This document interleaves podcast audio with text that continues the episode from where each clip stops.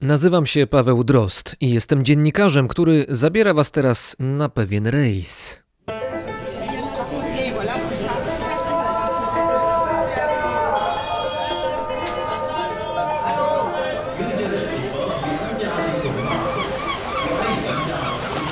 Brzmienie świata.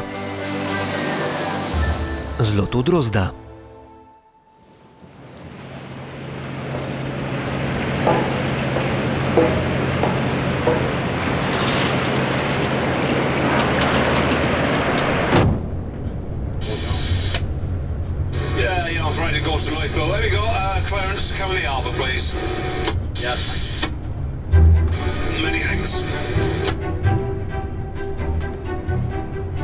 Kapitan Pastrengo Rugiatti stał na mostku i spokojnie obserwował morze przed sobą.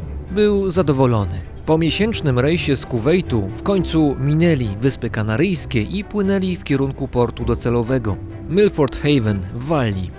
Trasa przebiegła spokojnie. Torrey Canyon, jeden z największych tankowców świata, płynął bez awarii, a w jego ładowniach spoczywało bezpiecznie ponad 100 tysięcy ton ropy naftowej. Ten supertankowiec powstał w Stanach Zjednoczonych 8 lat wcześniej i początkowo jego nośność była o połowę mniejsza.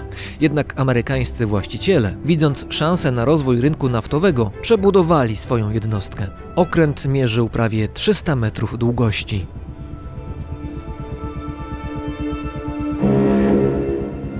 Był 17 marca 1967 roku. Torrey Canyon płynął z prędkością 17 węzłów, ale niespodziewanie zmienił kurs. Kapitan Rugiatti zdecydował się na skrót, wbrew pierwotnym planom. Zamierzał płynąć przy zachodnim wybrzeżu Cornwalli, niedaleko The Seven Stones Reef. To dobrze znana grupa siedmiu zanurzonych w morzu skał, które na przestrzeni setek lat posłały na dno blisko 200 statków różnych bander. Kapitan zdawał sobie sprawę z ich istnienia, wydał stosowne rozkazy i poszedł spać. Następnego dnia o 8.48 rano oficer, który był na wachcie, zauważył, że okręt jest niebezpiecznie blisko wystających skał. Wcześniej były słabo widoczne ze względu na duże fale. Natychmiast obudził kapitana. Ten był przemęczony. Miał za sobą pracowitą noc. Musiał wielokrotnie pojawiać się na mostku, by zmieniać kurs. Spał tylko trzy godziny. Skały były blisko, za blisko. Zaspany kapitan nakazał ostrą zmianę kursu, by uniknąć kolizji. Supertankowiec jednak nie reagował. Rugiatti uznał, że doszło do awarii sterowania i stracił cenny czas na szukanie przyczyny. Awarii nie było.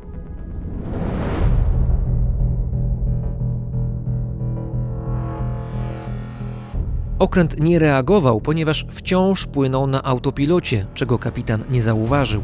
Gdy w końcu zrozumiał sytuację, było już za późno. 300-metrowy supertankowiec bardzo wolno reaguje na ruchy sterem, a hamowanie zajmuje mu nawet 8 kilometrów. Rano 18 marca 1967 roku kolos wypełniony ropą naftową z impetem uderzył w jedną z podwodnych skał.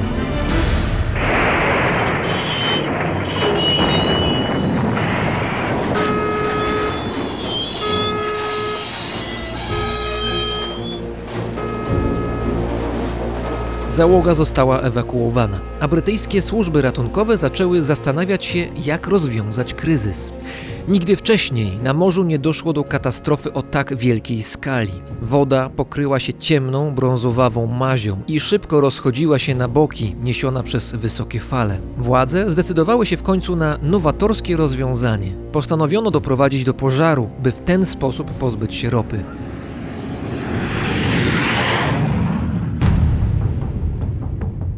Do tego celu wykorzystano brytyjskie lotnictwo wojskowe. Przez pełne dwa dni supertankowiec Torrey Canyon bombardowany był z powietrza. Zrzucano na niego beczki z paliwem lotniczym, zrzucano bomby z napalmem oraz atakowano przy pomocy rakiet. Skutki były mizerne, ponieważ niespokojne morze szybko gasiło palącą się ropę. Wiele pocisków nie trafiło też do celu. W końcu, po 12 dniach od katastrofy, okręt zatonął, ale blisko 100 tysięcy ton ropy naftowej pozostało.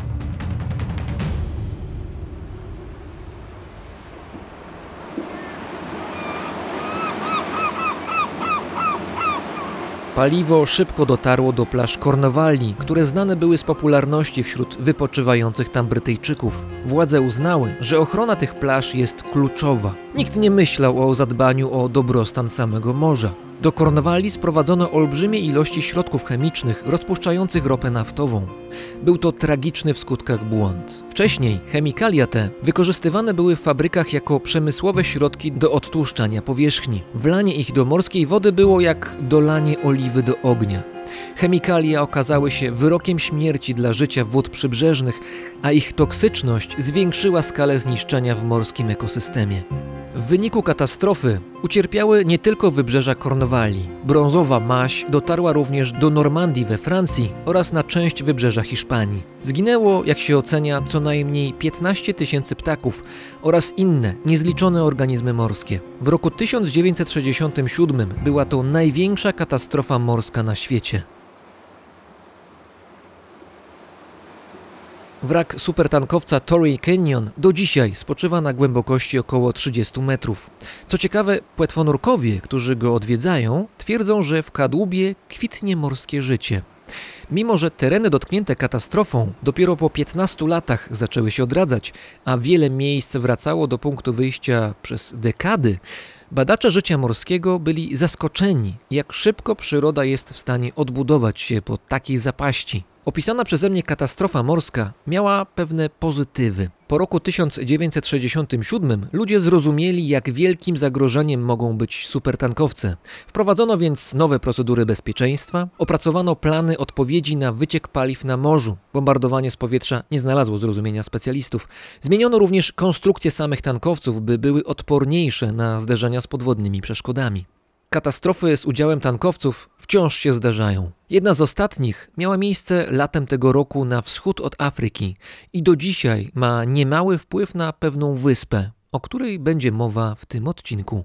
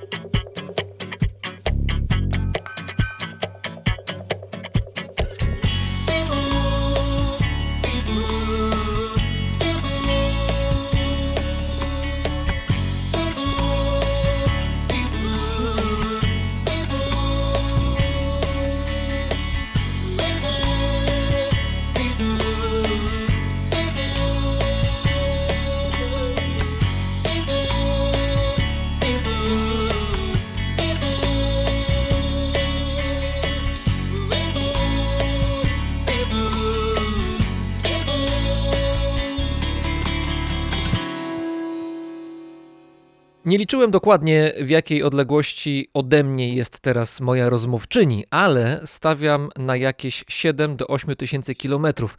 I zaraz nastąpi weryfikacja, ponieważ na Mauritiusie jest teraz z nami Gertruda Gocek-Józef. Dzień dobry pani. Dzień dobry. Znana pani też jest jako Tusia, więc też y, nie wiem, czy Tusia Gocek-Józef, czy po prostu Tusia, jak na panią wołają tam na miejscu? Oj, na miejscu znają mi Gertruda, ale większość osób z Polski zna mnie pod imieniem Tusia. A miejscowi, jak mówią, Gertruda to trochę trudno. Gertruda. Naprawdę dają E, Z radę? francuskiego będzie Gertrud. A no tak, bo francuski też tam rzeczywiście się pojawia często. No dobrze, ale czy 8 tysięcy kilometrów to jest dobra liczba, którą wybrałem? Trafiłem? Trzeba dodać jeszcze troszeczkę? 10,5 tysiąca kilometrów? 10,5 tysiąca kilometrów. O to rzeczywiście, to jednak nie Tak. doszacowałem w takim razie. Czyli nie trafiłem, ale za to pani trafiła na Mauritius ponad 20 lat temu, razem z mężem, rodowitym mieszkańcem wyspy. I co więcej, to wtedy nie była pierwsza pani wyspa, która stała się dla pani domem na lata. Wcześniej była jeszcze Wielka Brytania, był Cypr. Z tego konkursu wyspiarskiego Mauritius wygrał bezapelacyjnie. Mauritius wygrał, tak, dlatego że przylecieliśmy tutaj z dziećmi, ponieważ syn nasz jako dziecko zaczynał szkołę w Anglii, potem na Cyprze, więc już utknęliśmy na Mauritiusie, nie chcieliśmy zmieniać dzieciom szkoły, więc mieszkamy od ponad 20 lat na Mauritiusie. No i wyspiarskie życie służy mi. Teraz Mauritius jest, jak sądzę, właściwie jestem pewny, że jest zupełnie innym miejscem niż wtedy, kiedy pani na Mauritiusie po raz pierwszy te 20 lat temu się pojawiła. W tej chwili to jest jedno z najbardziej popularnych miejsc, jeżeli chodzi o turystykę masową, no ale nie zawsze tak było. Czy pamięta pani jeszcze te obrazy przed oczami, które się pani pojawiły, kiedy przyjechała pani na wyspę po raz pierwszy, kiedy próbowała pani zapuścić na miejscu korzenie? Jaki wtedy był Mauritius te 20 lat temu?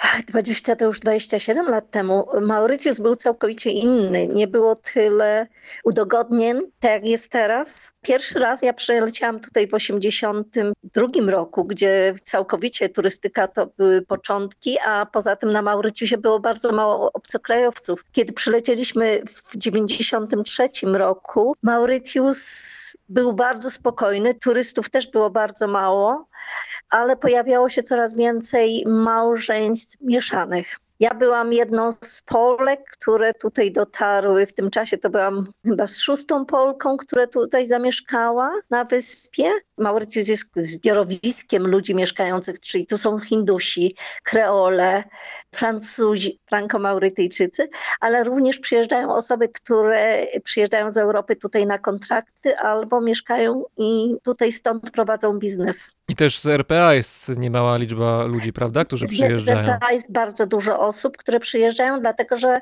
twierdzą, że tutaj jest aktualnie bezpiecznie na wyspie i teraz zaczynają wracać, bo wiadomo jaka sytuacja była i jest, więc jest tutaj bardzo duża mieszanka kulturowo-narodowościowa.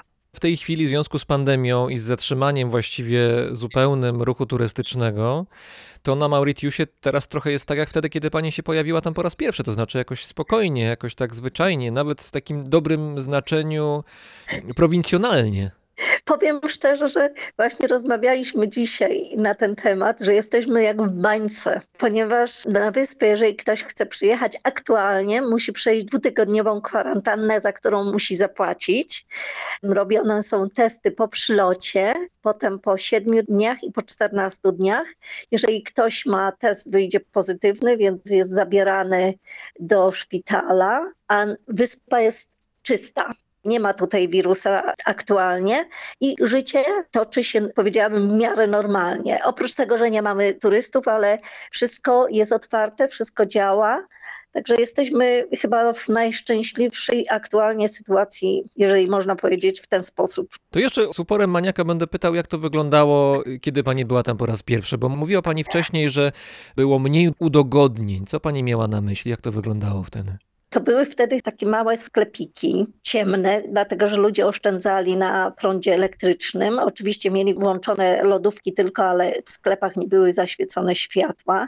Poza tym nie było tak dużo restauracji, nie było żadnych kulturalnych eventów.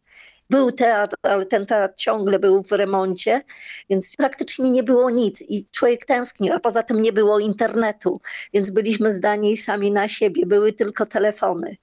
I jak ja przyjechałam tutaj, to pierwszą grupą, którą poznałam, to dołączyłam do kobiet angielskojęzycznych i co miesiąc były urządzane tak zwane tea party, czyli spotykałyśmy się raz w miesiącu u kogoś w domu, każdy coś przynosił, można było przyjść z dziećmi, więc spotykałyśmy się i to była wymiana wtedy tego, gdzie można znaleźć dobrego lekarza, stomatologa. Takie ścieżki wtedy właśnie nam ułatwiały tutaj życie. A jak się spędzało wolny czas w tamtym czasie w porównaniu z tym, co jest teraz? Bo teraz rozumiem, że wychodzę na ulicę i zewsząd napadają mnie różne możliwości, od restauracji przez kawiarnie, atrakcje i dla miejscowych, i dla turystów, plaże z pełną infrastrukturą dla tych, którzy mają ochotę wypocząć. A wcześniej było inaczej, dlatego że każdy miał więcej czasu. Nie było tej pogoni, więc spotykało się częściej z rodzinami, wyjeżdżało się na plażę, organizowało się jakieś łódki, żeby gdzieś pojechać na jakąś wysepkę niedaleko od wybrzeża tutaj, piknik. A teraz coraz mniej tego jest. Powiedziałabym, że wtedy było bardziej rodzinnie. Pamiętam, że jak tutaj przyjeżdżałam, to też były tak zwane poker party, czyli gra w pokera, bardzo popularna. Na pieniądze? Chociaż tutaj naj... tak, Dobrze. Dlatego, że uczyliśmy też dzieci grać i oczywiście wtedy trzeba było wymieniać na bardzo drobne pieniądze, ale ze względu na to, że pojawiały się cyklony i jeżeli wyłączano prąd, to nie było innej rozrywki, tylko trzeba było coś robić. Czytać książki przeświadczeń nie można za bardzo, a grać w karty można było. Więc w ten sposób się spędzało czas. A teraz jest troszeczkę inaczej i teraz ludzie nie mają tak dużo czasu dla siebie, dla innych. Inaczej jest. Człowiek był bliżej człowieka. No teraz też jest nawet bardziej bliżej człowiek człowieka, z tego względu, że grubo ponad pół miliona turystów na Mauritius co roku przyjeżdża. Sama wyspa, z tego co pamiętam, to jest w pierwszej trójce czy w pierwszej piątce krajów najbardziej, najbardziej zagęszczonych, jeżeli chodzi o, o ludzi, to znaczy gdzieś tam blisko Tak. Singapuru nawet, jeżeli chodzi o statystyki, prawda? No to w takim razie ten człowiek Tak. przy człowieku realnie jest. No tak, ale chodzi mi o bliskość. O bliskość inną, taką Nie rozmawiania, nie fizyczną. Chociaż tutaj jest troszeczkę chyba inaczej niż w Europie, bo jak się przechodzi, nawet jak się kogoś nie zna i idzie się piechotą do miasta, to przechodząc ludzie się kłaniają sobie. To nie można powiedzieć, że tego nie ma, ale, ale nie ma tego, co było kiedyś, że można było wpaść do sąsiadki, jak czegoś zabrakło i można było pożyczyć i oddać na drugi dzień. To już zaniknęło. A jestem ciekaw, czy przy takim zagęszczeniu ludzi na wyspie, już nawet pomijając turystów, czy są jeszcze takie zakątki? Mówię o głównej wyspie Mauritiusa, bo Mauritius to jest kraj, który się składa z różnych wysp, gdzie wyspa Mauritius jest Tak. wyspą centralną oczywiście. Czy są takie miejsca na wyspie Mauritius, gdzie jeszcze można uciec, to znaczy znaleźć sobie taką małą enklawę, gdzie spojrzę w lewo, spojrzę w prawo, do przodu, do tyłu i nikogo nie zobaczę? Tak, można. Powiem szczerze, że mamy tutaj taką grupę. Grupa międzynarodowa to się zaczęło jeszcze za czasów kolonii brytyjskiej, gdziekolwiek Brytyjczycy byli, to organizowali coś takiego, to jest grupa hash. Polega to mniej więcej na podchodach, jak gdyby zabawa w podchody. Ktoś wyznacza trasę i są osoby, które biegną, są osoby, które idą i spotykamy się co dwa tygodnie i w różnych miejscach na wyspie. Czasem w takich miejscach, że lokalni nawet, mówię o lokalnych, czyli Maurytyjczykach urodzonych tutaj, nawet nie znają tych miejsc. Także my w tej grupie odkrywamy inny Mauritius. Ciekawszy Mauritius, taki dziki Mauritius. Na przykład tydzień temu byliśmy w miejscu, gdzie ja byłam po raz pierwszy i nie wiedziałam, że takie piękne miejsca są na wyspie, ponieważ ja należę do osób biegających, więc biegaliśmy wśród oczywiście trzciny cukrowej, bo tutaj trzcina cukrowa dominuje. Potem biegaliśmy przez ekskluzywne osiedla, ale biegaliśmy również wzdłuż rzeki. Przecudne widoki przy tej rzece były, takie, których ja nie widziałam na Mauritiusie jeszcze odkąd tutaj jestem. Ciekawie to wygląda. Ja często gęsto, jak mam znajomych, to próbuję wciągnąć ich w to. Poza tym wtedy nie musimy nosić masek. A trzeba nosić maski, mimo tego, że na Mauritiusie, Tak. jeżeli chodzi o COVID-19, jest dobrze? Jest powiedziane, że powinno się nosić na ulicach, w sklepach maski. Coraz więcej osób na ulicach nie nosi, w niektórych sklepach nie wymagają. W dużych supermarketach czy w centrach handlowych, kościołach, bankach wymagane są maski, plus mierzą temperaturę przy wejściu do środka. Wyspa Mauritius, tak jak powiedziałem wcześniej, to jest tylko część państwa Mauritius, bo są jeszcze Mhm. pozostałe części, pozostałe wyspy i nawet archipelagi. I co jest ciekawe, że pomiędzy tymi częściami państwa Mauritius czasami to jest ponad 500 kilometrów przestrzeni. Nawet jest dalej niż do najbliższego sąsiada wyspy Mauritius, czyli do Reunion, które należy do Francji.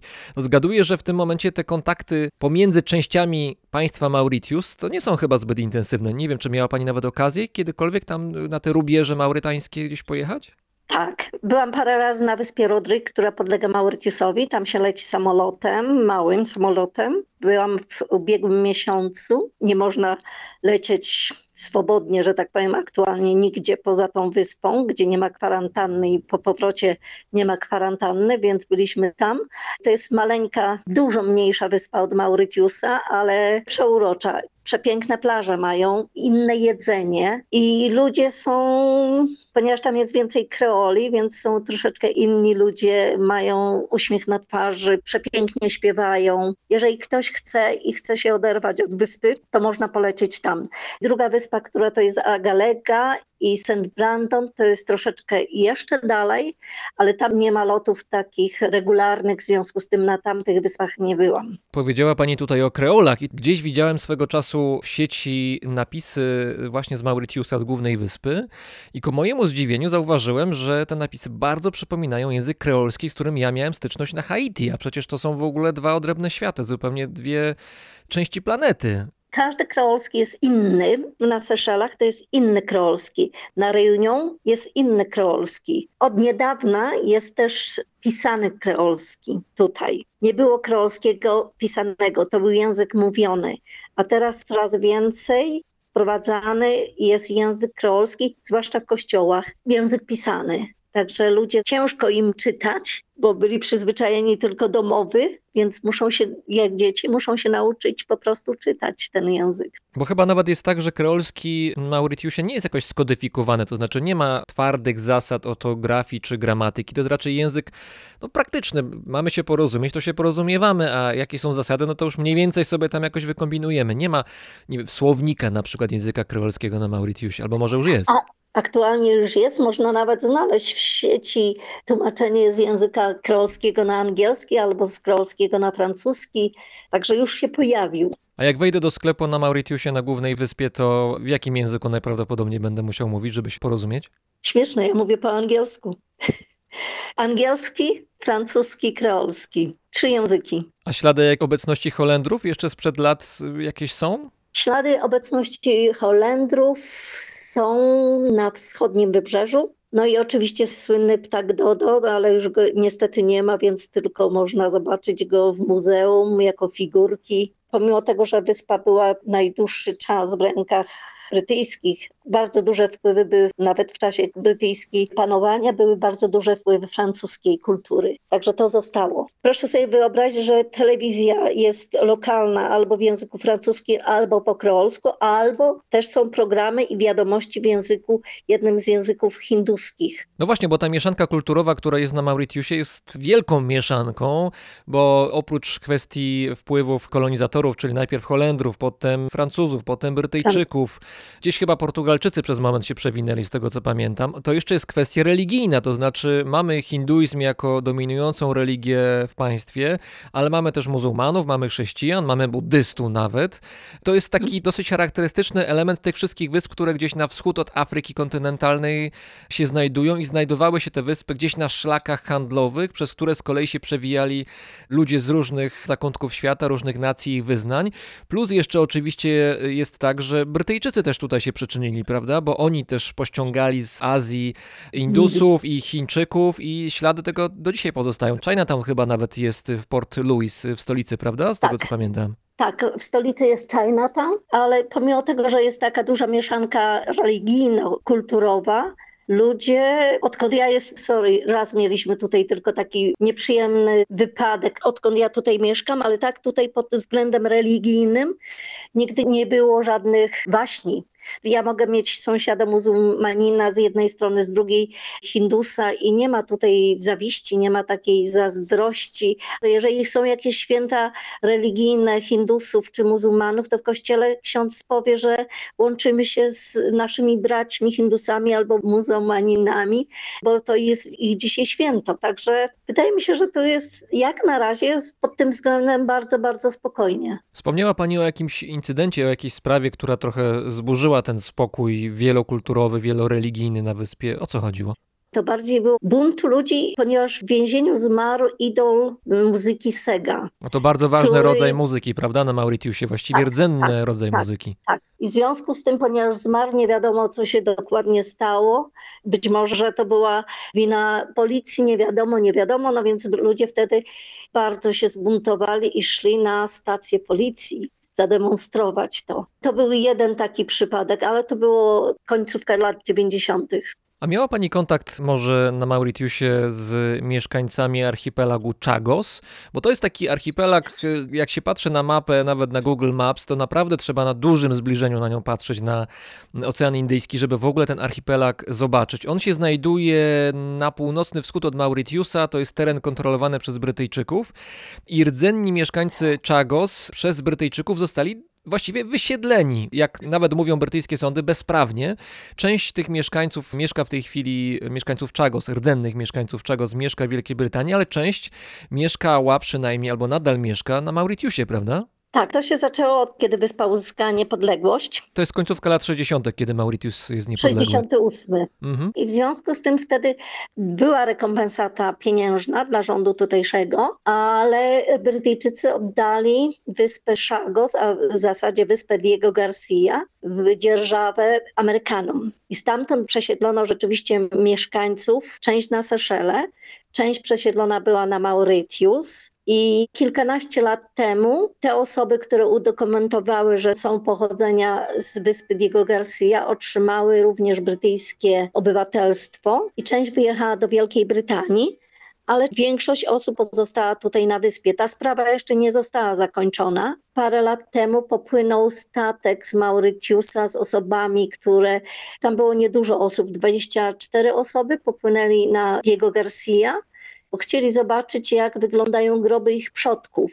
Więc mieli tylko dostęp do cmentarza, który ponoć bardzo zaniedbany jest.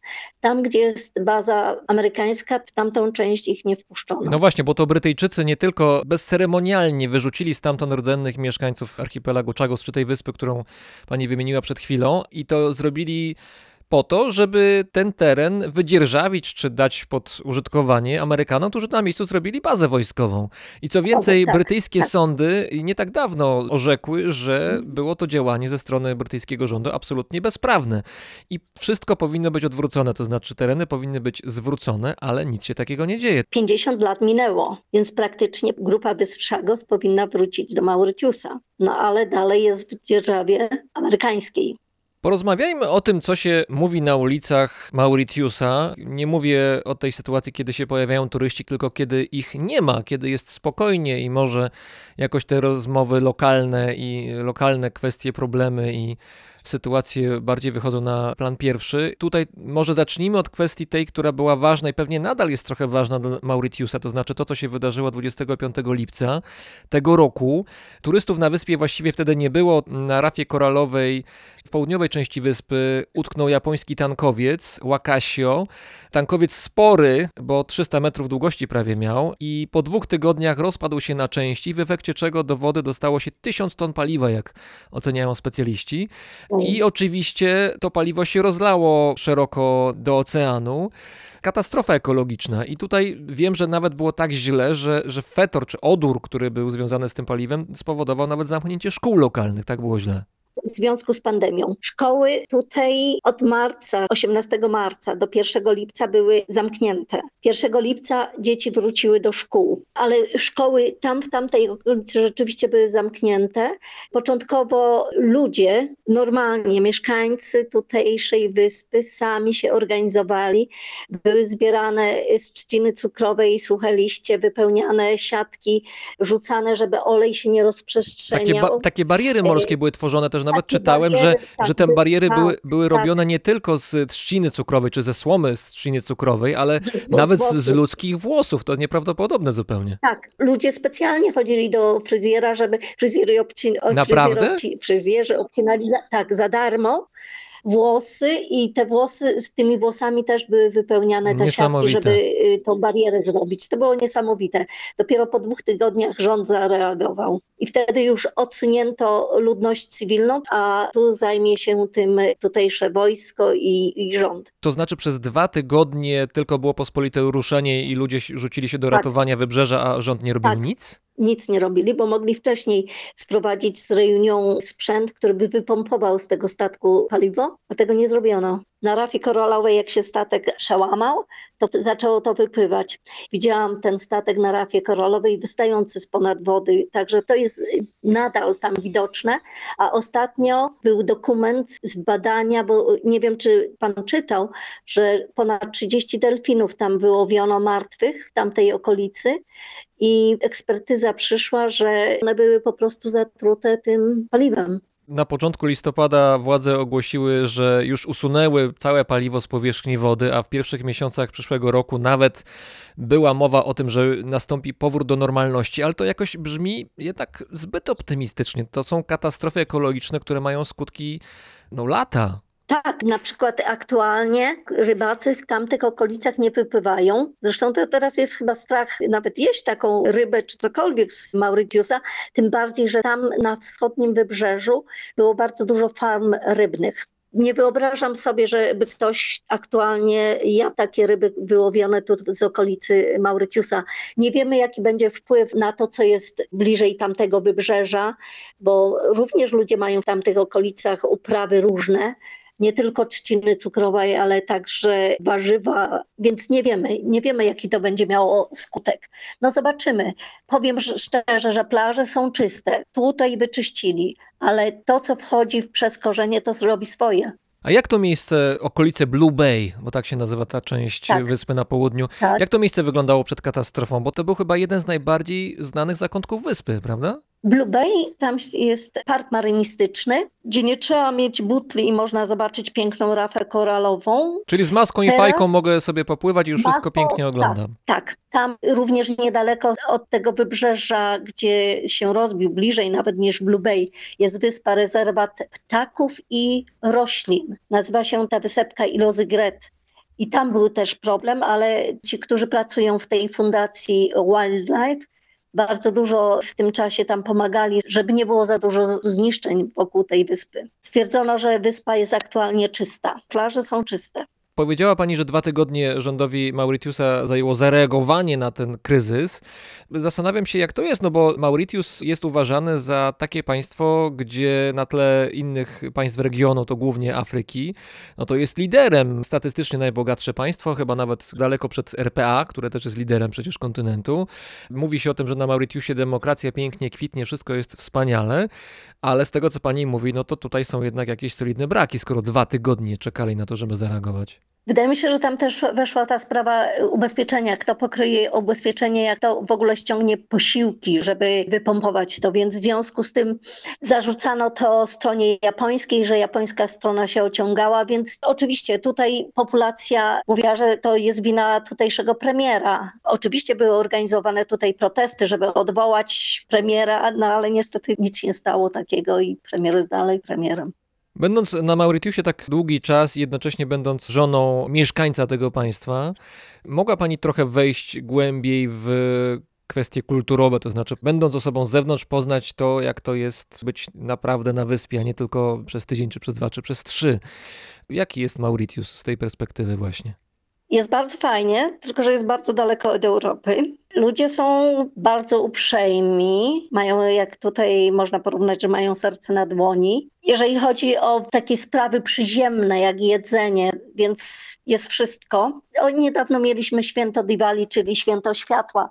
Ponieważ my mamy ogrodnika, więc ogrodnik wie, że ja lubię takie ciasteczka kokosem w środku, pierożki z kokosem w środku, więc oczywiście innych nie, bo ja powiedziałam, że ja kolorowanych nie jem, więc on nam co roku przynosi te jeszcze gorące te ciasteczka, więc wydaje mi się, że tutaj jest troszeczkę inaczej niż gdzie indziej. Tu jest mała populacja, no jest tylko milion dwieście trzydzieści tysięcy mieszkańców, więc jest łatwiej wejść w to środowisko, chociaż Powiedziałabym, że nie wszędzie, dlatego że Franko-Maurytyjczycy mają swoją grupę. Chińczycy są bardzo mili, ale trzymają się razem. Także są te kliki, ale jeżeli się spotka kogoś na zewnątrz, czy wychodzi się razem do restauracji, czy gdziekolwiek, to jest wtedy fantastycznie.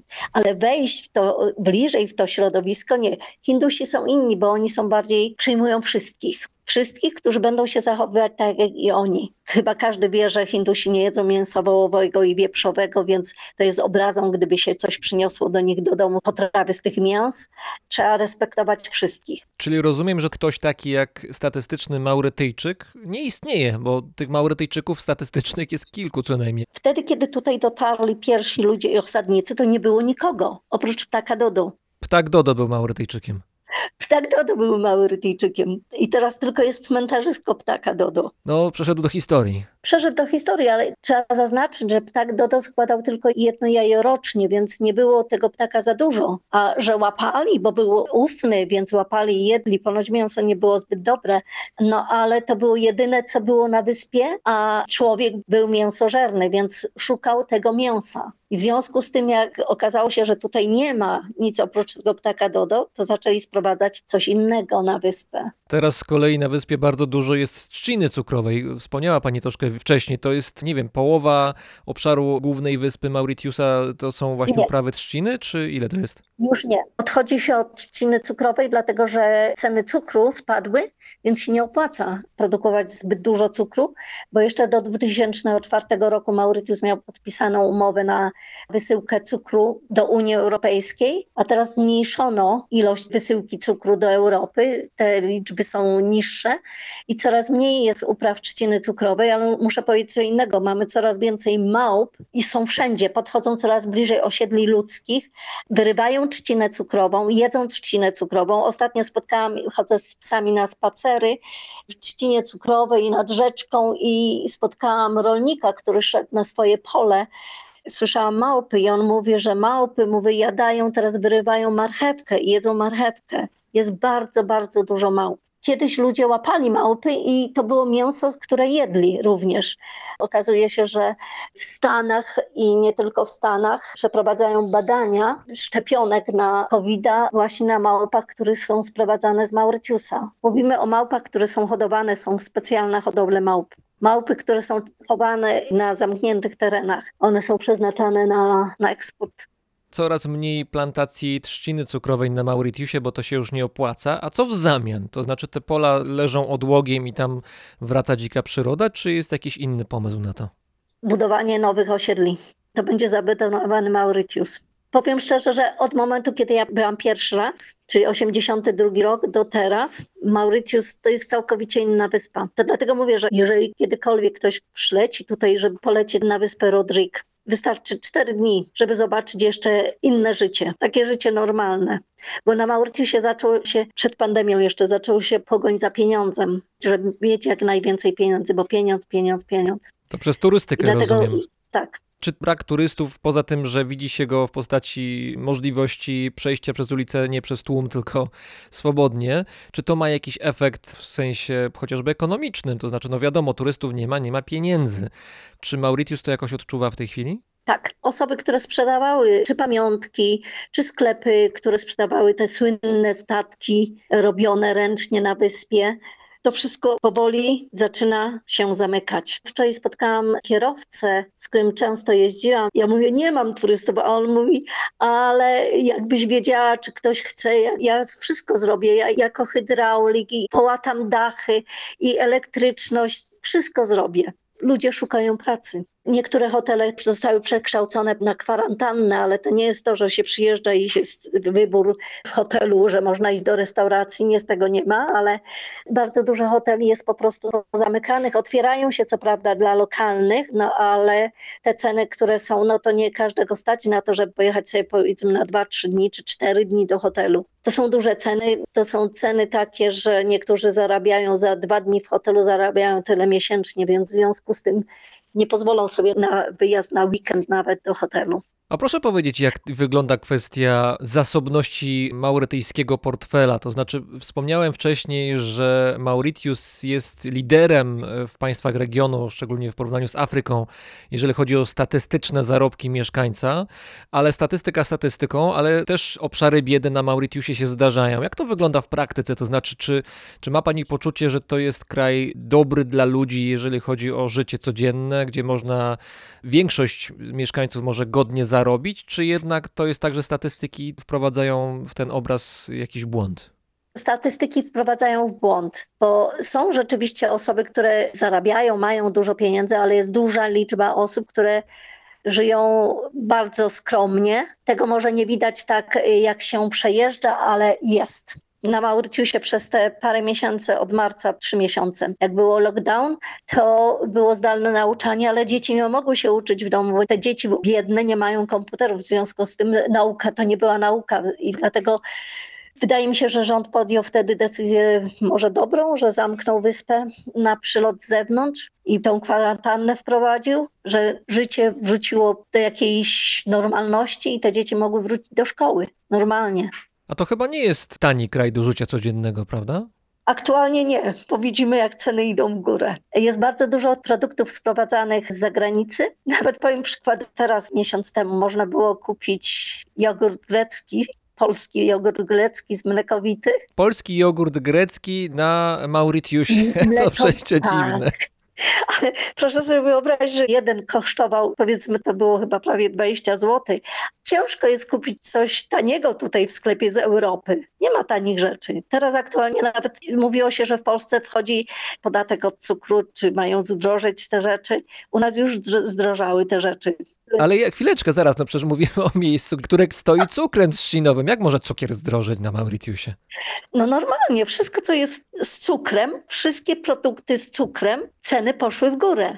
Przykładowo miód, który ja kupowałam z Australii i płaciłam za niego Miód z 186. Australii? Tak, z Polski nie mamy. Sorry, mamy jak polecimy do Polski i sobie przywieziemy.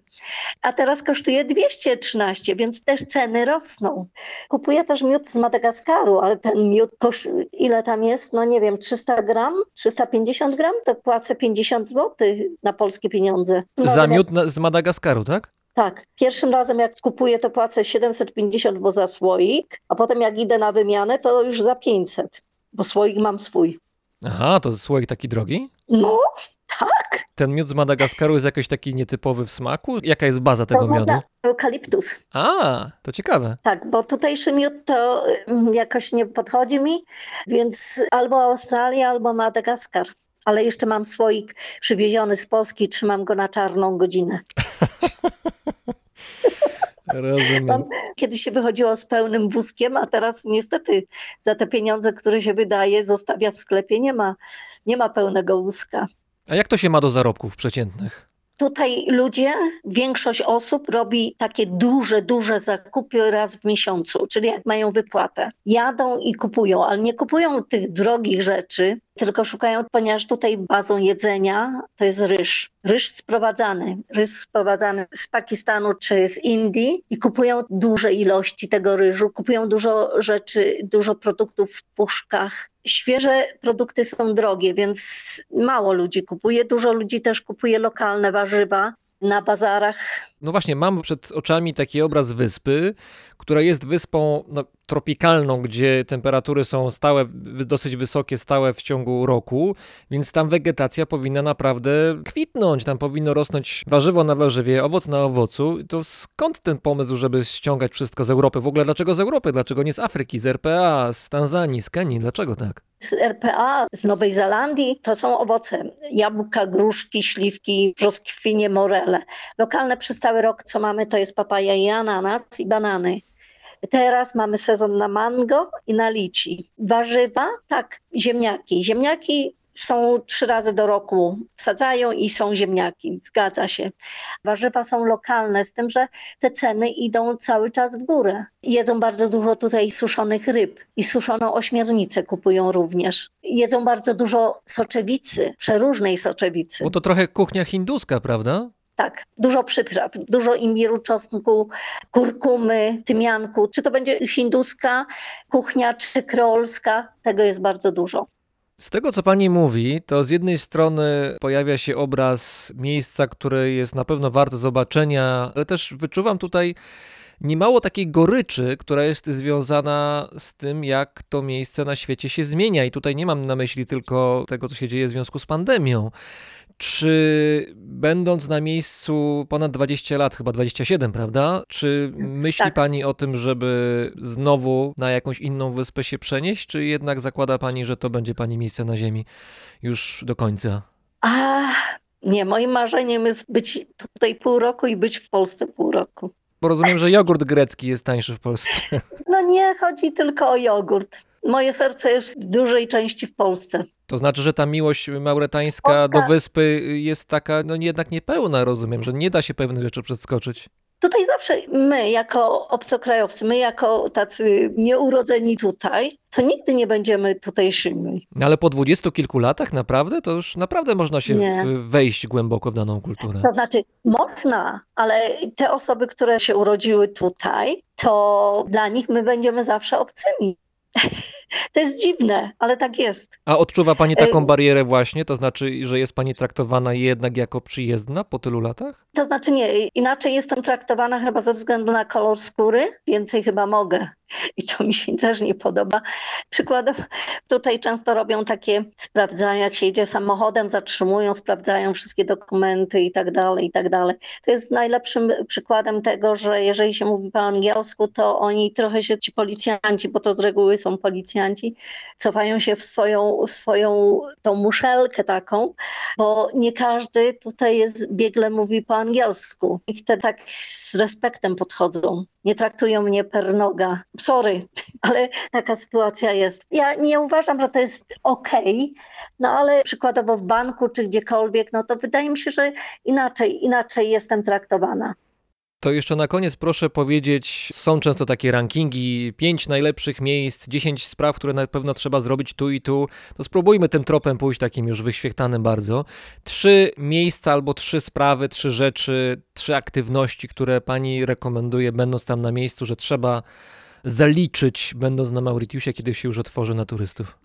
Takie dzikie miejsca, do których jest ciężko dojechać, które nie są takie bardzo popularne, to będzie most na wodzie. Niewiele osób o tym wie. Miejsce, które się nazywa Rochester Falls, czyli wodospad Rochester i tamto wybrzeże południowe.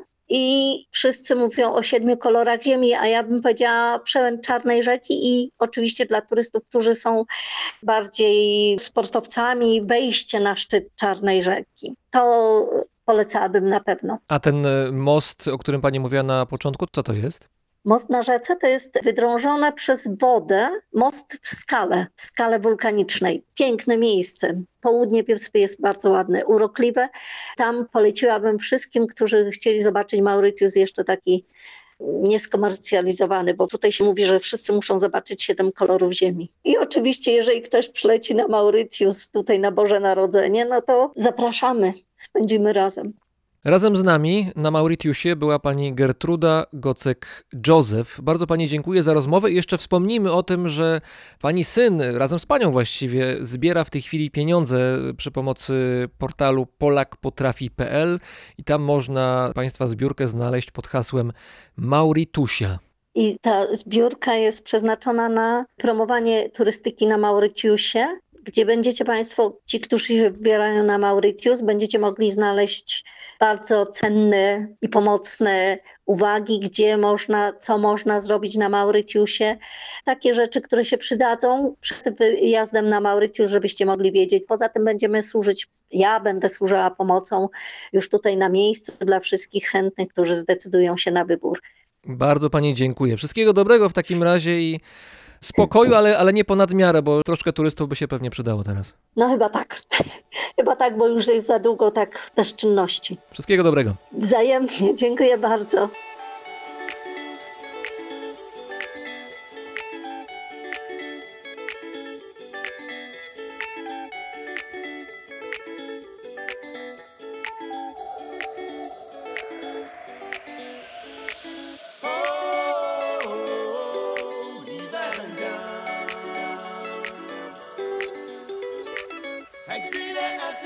Accroché à son radiateur.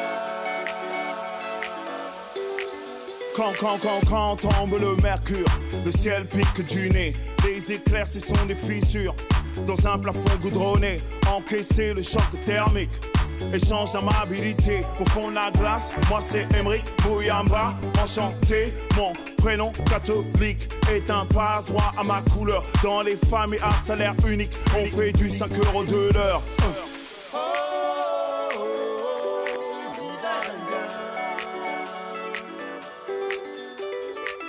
Exilé intérieur accroché à son radiateur.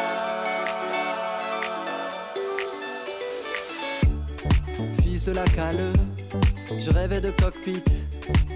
M'a menti, on m'a menti, la tour Eiffel est petite. Afro-esquimau, plus rien ne me déçoit. Promesse à l'aube, promesse à l'aube devient mensonge le soir. Hiver indien m'a casé sur la banquise. Je campe ici, ne défais pas mes valises. L'exil, un cul-de-sac, une impasse, un sas. Je cherche un plan pour m'évader, pour passer. Où sont, où sont, où sont les Champs-Élysées? Où sont, où sont, où sont les Champs-Élysées?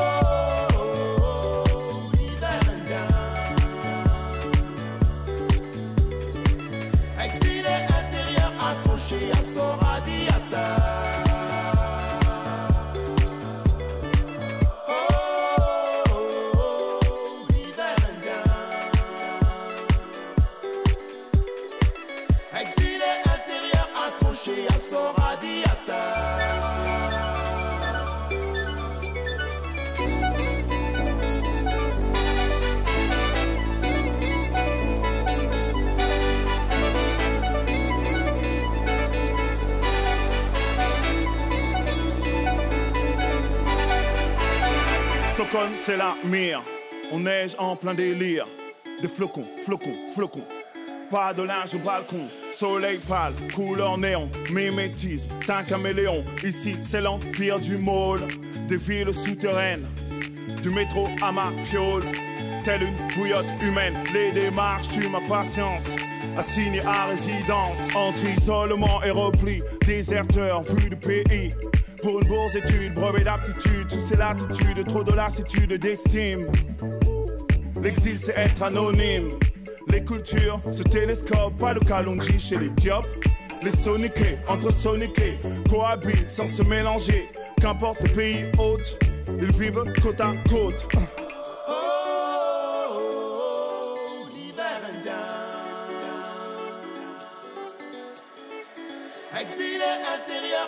Shia Soradiata.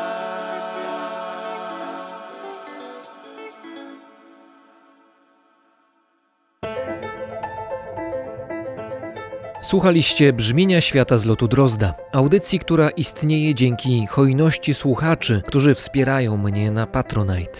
I za to składam wszystkim patronom brzmienia świata serdeczne podziękowania i będę wdzięczny za dalszą pomoc, która jest niezbędna, by mój podcast mógł dalej istnieć. A już dzisiaj, ponieważ mamy połowę grudnia, składam Wam wszystkim życzenia wartościowych i bliskich Waszemu sercu świąt. Świąt dobrych, z dobrymi ludźmi. Paweł Drozd, czyli ja, mówi wam dobrego dnia. Yeah, yeah, yeah, yeah, la. Yeah, yeah, yeah, yeah,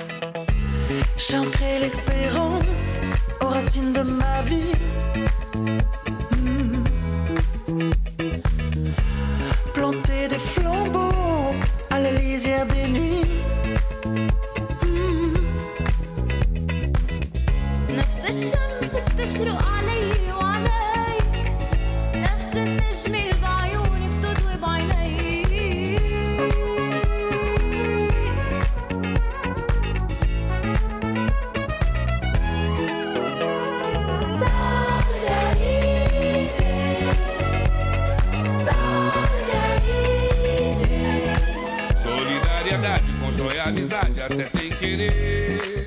Faz com que a bondade dá licença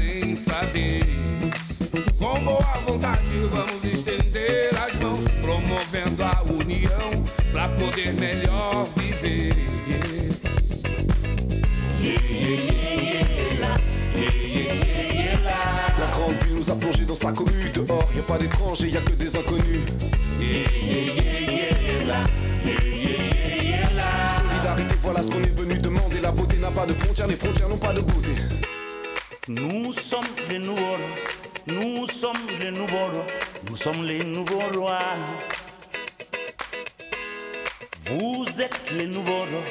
Vous êtes les nouveaux rois. Vous êtes les nouveaux rois.